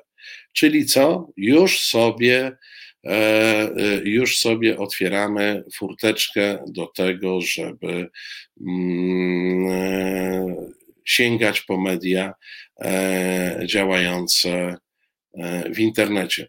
Oczywiście my możemy długo rozmawiać na temat tego, w jaki sposób to prawo może być skuteczne. Bo mm, y, TVN24 nadaje satelitarnie, w związku z czym może sobie nadawać nadal e, z dowolnego kraju, na przykład z takiego kraju, gdzie nie ma koncesji, wcale nie musi sobie załatwiać koncesji i sobie będzie na naszej e, satelicie e, i, i będziemy odbierać. Oczywiście będzie tam trochę upośledzone, jeśli chodzi o numer e, na pilocie i tak dalej, ale to już szczegóły techniczne. Podobnie jest zresztą, Państwo trochę dyskutowali na temat mm, tych, którzy, mm, którzy nadają przez internet, ponieważ E, nadawać można z bardzo różnych miejsc i pocieszę Państwa, relacja z centrum Warszawy za pośrednictwem e, amerykańskiego serwera jest relacją amerykańską. I chcę zobaczyć, jak geniusze z PiSu będą jeździć do Ohio, e, to mm, oprotestowywać. Proszę Państwa, co? Zrobimy chwilkę muzycznej przerwy. Przed e, przerwą e, pozdrowię wszystkich tych, którzy przyszli tutaj rozmawiać nie na temat, a panu Piotrowi powiem, że nie wytłumaczę, dlaczego USA ma 100% TVN24, ponieważ jest to bzdura. USA nie ma 100% TVN24. USA ma 100% USA, ale nie ma 100% w żadnym medium. Za chwilę po pieśni e, zapodanej przez Krzysztofa wracamy. Słuchasz Resetu Obywatelskiego. Reset Obywatelski. Medium, które tworzysz razem z nami. Komentuj, pisz i wspieraj. No i proszę Państwa, piosenka była dzień po, ale my jeszcze mamy część programu przed sobą. Zresztą muszę się Państwu zwierzyć, że ja teraz tej piosenki słucham trochę inaczej, e, bo Kornen mi się e, zwierzył, e, że on jak słucha, to słyszy, kiedy mu tam palec spadł na gryfie ze strony, więc ja usiłuję znaleźć ten moment, który on słyszy. Nie wiem jak Państwo, ja nie znajduję ale być może jakimś wytłumaczeniem jest to, że szczytem mojej kariery muzycznej było wybijanie rytmu na perkusji w zespole punkowym. A zająłem się tym, ponieważ nie udawało mi się na żadnym innym instrumencie, a byłem silny i umiałem długo i mocno tłuc. No to ja nie słyszę, ale może Państwo usłyszą, gdzie ten palec mu spadł e, w trakcie tego e, nagrania. Proszę Państwa, e, wracając e, do tej dyskusji, Państwo tutaj deliberują nad e, e, kwestiami internetowymi. Zapewne mm, Polski długo jeszcze nie będzie technologicznie stać na to, żeby zrobić żeby zrobić jakiś um, własny internet. Chyba szczytem możliwości technologicznych tej ekipy jest Albicla i tak już e, pozostanie. A wszystkich nas do Albicli nie zapiszą. Nawet jak pozyskają nasze, mm, e, nasze dane. E, natomiast wiecie Państwo, mm, mówicie o, o, miejscu nadawania i tym podobnych, no ale to wiecie, że to jest, to będzie temat na E, orzeczenia Trybunału Przyłębskiej i e, to będzie temat na nieciągnące się, na, na niekończące się e, spory prawne, jak to jest z tym nadawaniem z internetu. Zresztą ten rząd już się przekonał, jak chciał maile Dworczyka skasować z sieci, no to potem się okazało, to potem się okazało, że te maile pojawiają, się w kolejnym miejscu, drugim, trzecim, teraz są w jakimś serwisie amerykańskim. No i chcę zobaczyć, jak oni ten serwis amerykański zamykają. Jak Dworczyk pisze tam pismo e, albo maila, pisze ze swojego prywatnego maila, zamknijcie ten amerykański komunikator, to bo inaczej co. Nie? Małpiek pisze, że w trzeciej minucie słychać strzały, ale palca z gryfu nie znalazłem, a to myślałem, tak, tak właśnie myślałem, że tam są strzały, tak, strzały. Eee, usłyszałem, eee, ale dalej nie wiem, gdzie, gdzie mu ten palec się omsknął. No, tak, tak. On tak twierdzi, no, trzeba mu wierzyć, bo on przy tym nagraniu e, pewnie był. Proszę Państwa, wspominaliśmy swego czasu, że pan Robert Bąkiewicz w dwóch stowarzyszeniach e, dostał od e, pana Glińskiego, wicepremiera, 3 miliony złotych z publicznych pieniędzy, a konkretnie dostały dwa stowarzyszenia, Marsz Niepodległości oraz E, e, oraz zaraz, jak to drugie się, jak to drugie się nazywało, Stowarzyszenie e, Marsz Niepodległości. Zaraz tutaj gdzieś to muszę znaleźć. Aha, Straż Narodowa dostała milion siedemset, a Stowarzyszenie Marsz Niepodległości e, milion trzysta. E, natomiast, proszę Państwa, mm, okazuje się, że nawet jak pan Gliński chce dać pieniądze tym faszystom, to nie umie tego dać zgodnie z prawem, ponieważ ktoś zauważył, że Stowarzyszenie Straż Narodowa na swojej stronie internetowej posługuje się numerem KRS Stowarzyszenia Marszu Niepodległości.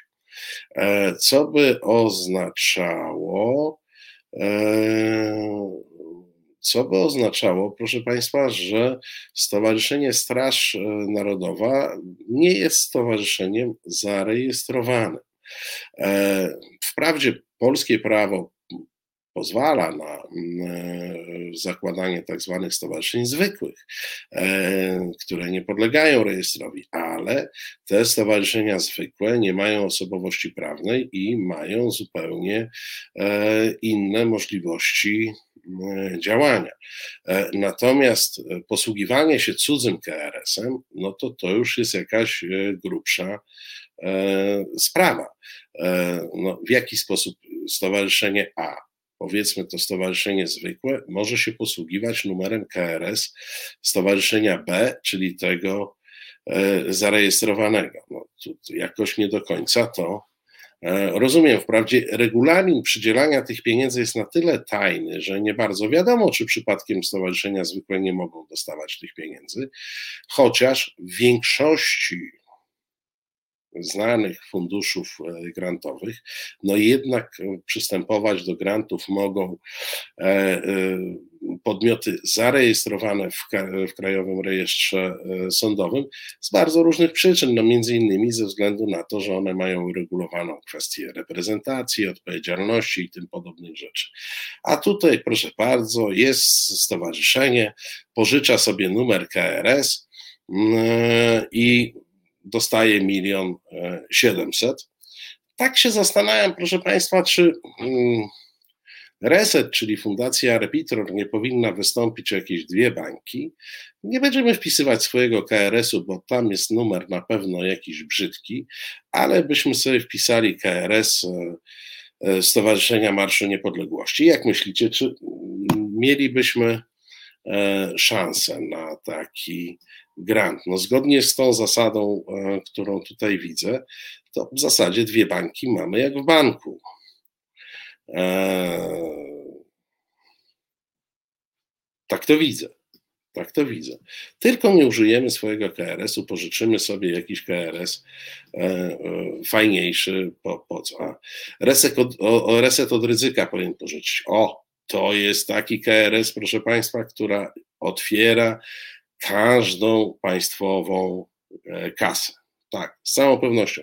To już wtedy nazwy na wszelki wypadek nie będę podawał, tylko numer KRS ryzyka i wtedy w zasadzie przelew idzie e, automatycznie, e, kwota wnioskowana razy dwa i od ręki, i od ręki. Proszę Państwa, wiszą jeszcze billboardy cały czas e, e, wiszą e, billboardy, dwa typy billboardów. W jednych PiS się chwali, że Krajowy Plan Odbudowy nas odbuduje, w drugich, na drugich billboardach Lewica się chwali, że uzyskała pieniądze na Krajowy Plan Odbudowy co najmniej dwie partie dają nam tutaj ciężkie pieniądze, tylko że gdzieś po drodze e, okazuje się, że tych pieniędzy nie ma.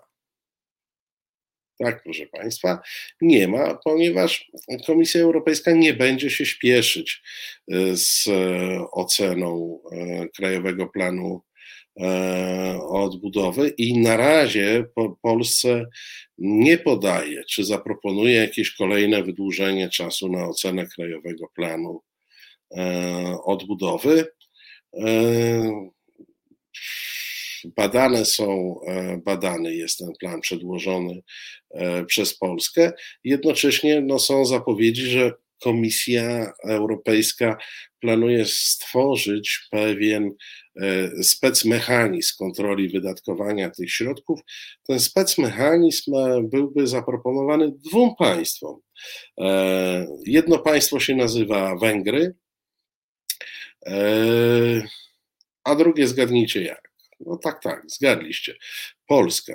Zatem te dwa państwa mają być pacjentami e, specjalnej troski, e, gdzie Komisja Europejska zaproponuje dodatkowy spec mechanizm kontroli mm, e, tych wydatków. No nie wiem, czy Duma Narodowa jest w stanie znieść i czy możemy przyjąć taki spec mechanizm.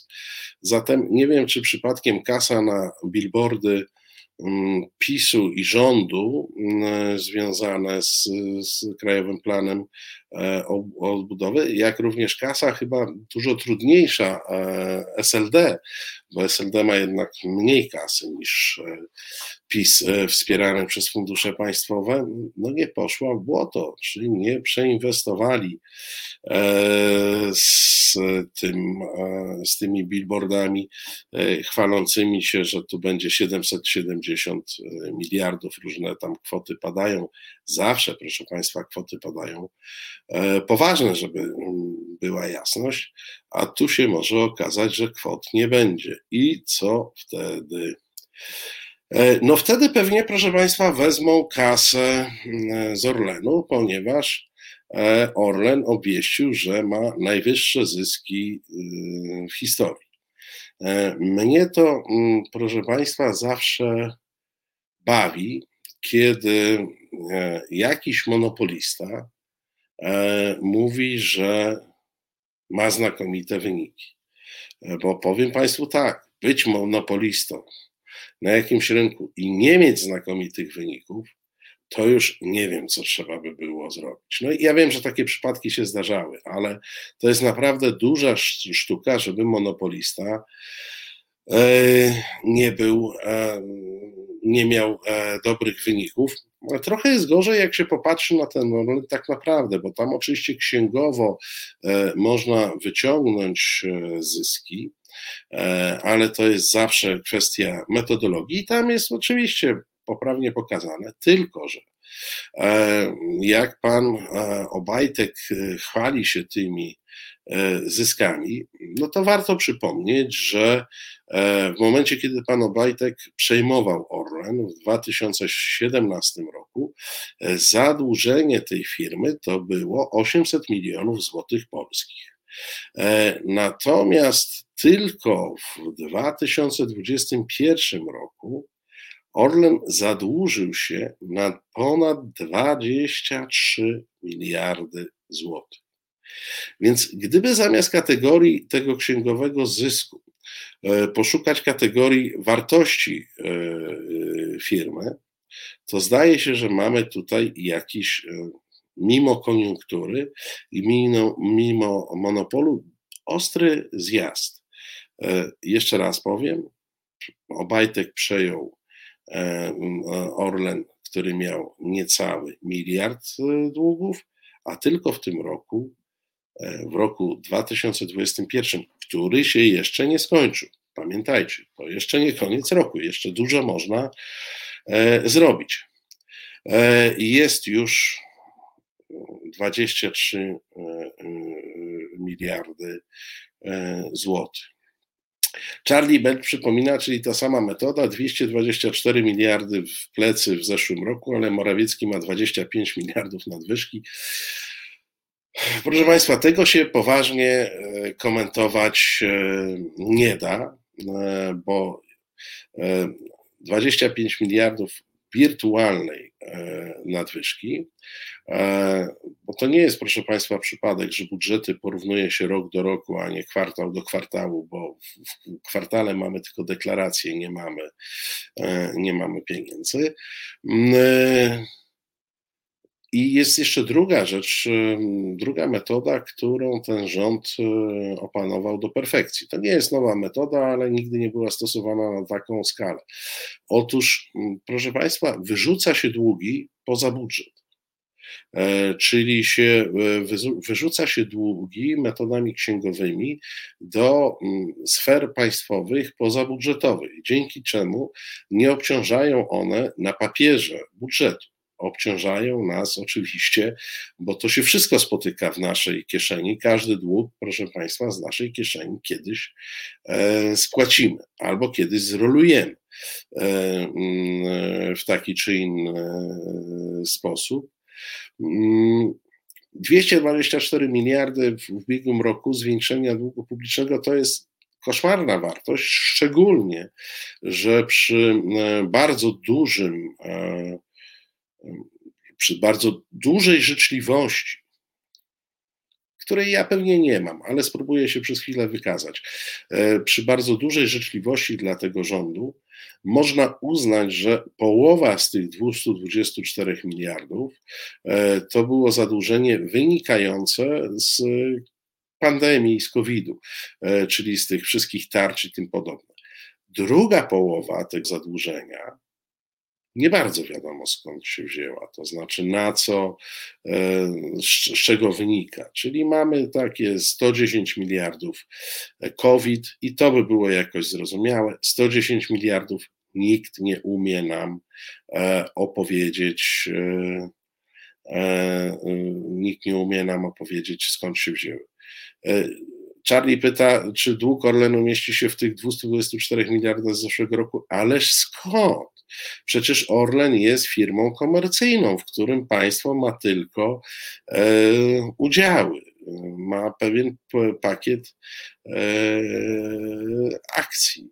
Więc nie, Orlen się rozlicza jak prywatne przedsiębiorstwo, proszę Państwa. No, nie porównując, nie porównując, yy, ale przymierzając jak wydawnictwo Arbitron na przykład, jak zupełnie prywatna e, firma. Więc to jest dług prywatny, on w żaden sposób nie wchodzi e, w pulę długu państwowego. Zresztą, proszę Państwa, jeżeli są zadłużenia, w innych spółkach, w których państwo ma swoje udziały, typu Lotos, typu tamte spółki energetyczne, typu Polska Grupa Zbrojeniowa, o tam, proszę Państwa, to jest jakaś kopalnia pieniędzy e, z długów, e, to to się nie wlicza oczywiście w ten bilans e, państwowy to, to, tak, e, to tak wygląda. E, Andrzej Twardowski pisze, takie zyski z Orlenu, a świadek koronny z nich podał, że wzięli na krechę 200 miliardów i nie rozliczyli się. Genialna, kreatywna księgowość. Proszę Państwa, tak się dzieje. E, jeżeli firmy, szczególnie ta, takie duże, to jeżeli te firmy są pozbawione kontroli, bo Księgowość, proszę Państwa, pewnie każdej firmy pozwala na tego typu e, kreacje. E, różne rzeczy można nie zawiesić na rozrachunkach, e, przenieść. Zresztą takim Będę teraz e, symetrystą, proszę Państwa. Taki, taki numer, pierwszy duży numer wykryty e, księgowy wykonał e, pan wicepremier Rostowski, pożyczając pieniądze od samorządów. Nie wiem, czy pamiętacie, było tak, był taki rok, ja nie pamiętam, który to był rok. W każdym razie było zagrożenie przekroczenia założonego deficytu e, finansowo budżetowego, e, no i potrzeba było tam x e, miliardów, żeby, żeby tego deficytu nie przekroczyć. I wtedy pan Rostowski pożyczył od kilkunastu miast największych z Warszawą na czele 31 grudnia pieniądze, które zwrócił 1 stycznia ale to oznaczało, że na 31 grudnia budżet się spinał i było wszystko w porządku. A jak 1 stycznia oddał te pieniądze, to to już był problem przyszłego roku. Więc różne numery się zdarzały, ale tu, żeby znowu nie wchodzić w symetrys zanadto, to był jeden przypadek, i wymuszony trochę tym, że mielibyśmy problemy z pewnymi celami w Unii Europejskiej. Natomiast w tej chwili to jest e, normą. W tej chwili to jest, e, w tej chwili to jest normą i wszyscy na większą czy mniejszą skalę robią takie numery codziennie, a nie raz do roku. E, więc proszę Państwa, jeżeli ten sektor nie podlega kontroli, a na przykład, nie wiem, przeniesienie polskiej grupy zbrojeniowej do Ministerstwa Obrony Narodowej e, z Ministerstwa Skarbu, to był taki element, żeby tu nikt nikogo nie kontrolował, bo jak oni są w Ministerstwie Obrony Narodowej, to, że tak powiem, wszystko jest w rodzinie, tak? I firmy, które dostarczają sprzęt, i ci, którzy kupują sprzęt, są w, w tej samej rodzinie, w związku z czym nie ma tu e, kto kogo kontrolować i mówiąc brzydko, kto na kogo e, donieść. To jest, proszę Państwa, systemowe, to jest systemowe grabienie nas wszystkich, bo z tymi e, długami mm, to robi je w tej chwili pewnie tysiąc ludzi, w 10 tysiącach instytucji, ale pamiętajcie, że jak przyjdzie do płacenia, e, to one wszystkie te długi z 10 tysięcy instytucji, decyzją tysiąca ludzi poczynione, spotkają się w naszej kieszeni. E, tak, w naszej kieszeni. E, I tu, proszę Państwa, do tego jednego nie możemy mieć wątpliwości. E, na koniec jeszcze jedna informacja. 125 e, ratowników kontraktowych Wojewódzkiej Stacji Pogotowia Ratunkowego w Białymstoku złożyło w piątek wypowiedzenie. Domagali się podwyżek wynagrodzeń, ale dyrekcja pogotowia miała oświadczyć, że takich możliwości nie ma. No i powiedzielibyście Państwo, że to jest e, strajk, protest i tak dalej. I jest w tym trochę racji. I oczywiście jest coś absolutnie bezczelnego e, w tym, że mm, e, pan Duda w ten piątek e, podpisał podwyżki dla mm, rządu i posłów, kiedy zamrożone są płace w budżetówce w ogóle.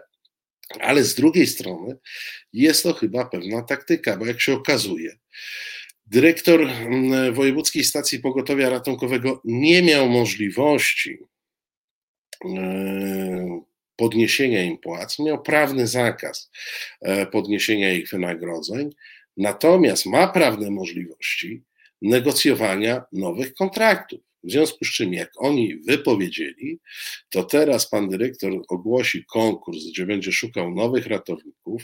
Zapewne ci nowi to będą ci sami, tylko na nowych, lepszych E, kontraktach. I powiedzcie mi Państwo, czy nie prostsze by było, czy nie prostsze by było, e, gdyby on po prostu przenegocjował kontrakty i bez tych wszystkich e, cudów dał ludziom zarobić? Nie, ale tu mamy taki system prawny, w którym on nie może, ale nowy wyższy kontrakt, kontrakt nowemu ratownikowi może dać. Czyli ten stary ratownik składa wypowiedzenie, staje do konkursu, będzie nowym pracownikiem i pewnie dostanie e, jakiś tam lepszy kontrakt. Ludzie, kto to kurczę wymyśla? Naprawdę. Kto to wymyśla? Przecież to jest jakieś przez lewe ucho do prawego e, i jak to mawiał, mm, e, jak to mawiał e, Pawlak, pamiętacie, ile to się trzeba nakłamać, żeby rzecz uczciwie załatwić. E, pani Małgorzata pytanie, lepiej umowę o pracę? Pani Małgorzato, nie wiem, to znaczy wbrew temu, co się opowiada, jest bardzo wiele branż i bardzo wiele zawodów, w których ludzie nie chcą umów o pracę, chcą mieć, e, e, chcą mieć elastyczne formy zatrudnienia. W przypadku ratowników medycznych, między innymi dlatego, że oni najczęściej pracują gdzieś jeszcze i ta, ten, to ratownictwo medyczne jest im wygodne jako zatrudnienie elastyczne, praca na, e, e, na godzinę. Proszę Państwa, o podwyżkach rządowych to ja nawet nie chcę e, gadać. To jest jakaś mega bezczelność, to jest jakieś mega świństwo robić je w takim momencie. Ja zawsze Państwu powtarzam i będę powtarzał. Ja uważam, że urzędnicy rządowi powinni zarabiać godnie, ale uważam, że powinna zarabiać godnie cała administracja rządowa, a nie tych paru ludzi na szczycie i że jeżeli mamy środki, to przyzwoicie, to należy je dzielić w ten sposób, żeby przyzwoicie zarabiała budżetówka. Tak Państwu na koniec powiem. Jeżeli chodzi o mnie, przymierzcie to Państwo do siebie, ale jeżeli chodzi o mnie, o Marcina Celińskiego, to ja jestem bardzo zainteresowany tym, żeby godnie zarabiał lekarz, do którego mogę trafić. Nie mówię, że chcę, ale mogę trafić, kiedy będę e, chory, żeby godnie zarabiała urzędniczka, do której ja na pewno trafię, e, załatwiając jakieś e, sprawy, jakieś sprawy miejskie czy inne, najczęściej w Urzędzie Dzielnicy w moim przypadku. I to w pierwszym rzędzie mnie interesuje, a chcę Wam powiedzieć, że pan premier na mój los bezpośredni e, nie ma aż tak dużego wpływu, żeby w pierwszym rzędzie należało mu o 60% e, czy 70% podnosić, e, podnosić pensję. Poza tym Proszę Państwa, są momenty, kiedy to można robić. E, są momenty wzrostu gospodarczego, są momenty niekryzysowe. W tej chwili jesteśmy w kryzysie, w inflacji, e, w spadku e, gospodarczym. W takim momencie się to nie robi. I na koniec powiem jeszcze jedno. Byłbym mm, bardzo zadowolony, byłbym bardzo zadowolony, gdyby w końcu e, tak zwana ERKA, czyli najwyższe stanowiska w administracji, zarabiały godnie, ale wedle stałej kwoty bazowej, która tam się zmienia. A stałą kwotą bazową chociażby mogłaby być średnia krajowa bądź mediana krajowa, i wtedy w odniesieniu od rosnącej mediany bądź od rosnącej mm, e, średniej, e, pensje e, premiera, ministrów, posłów mogłyby rosnąć automatycznie. Pani Małgorzata pisze, kultura polityczna wymaga raczej przyznania podwyżek od przyszłej kadencji.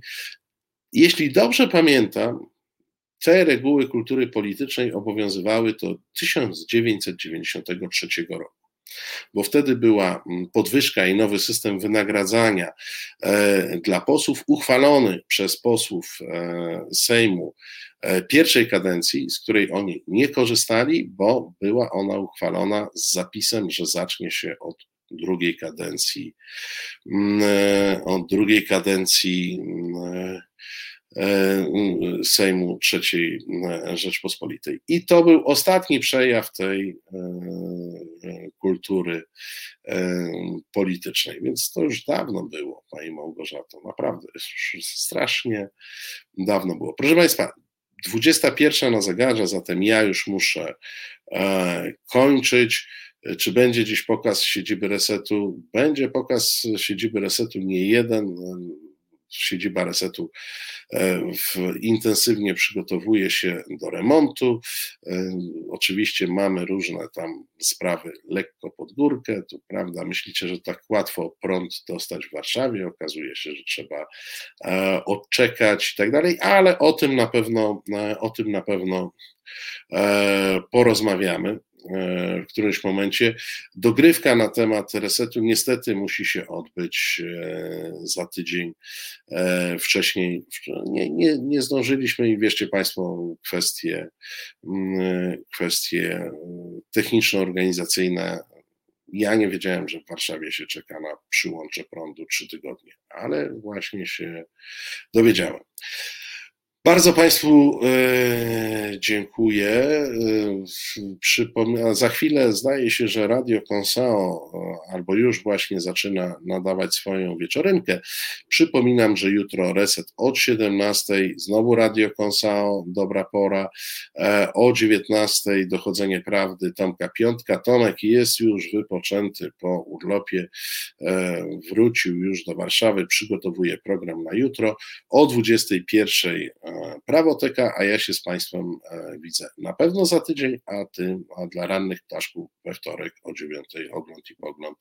Jak zwykle kłaniam się Państwu nisko, e, dziękuję Krzysztofowi e, za dzisiejszą realizację i do zobaczenia, do usłyszenia. Reset Obywatelski. To był program Resetu Obywatelskiego. Subskrybuj nasz kanał na YouTube, obserwuj na Facebooku i Twitterze.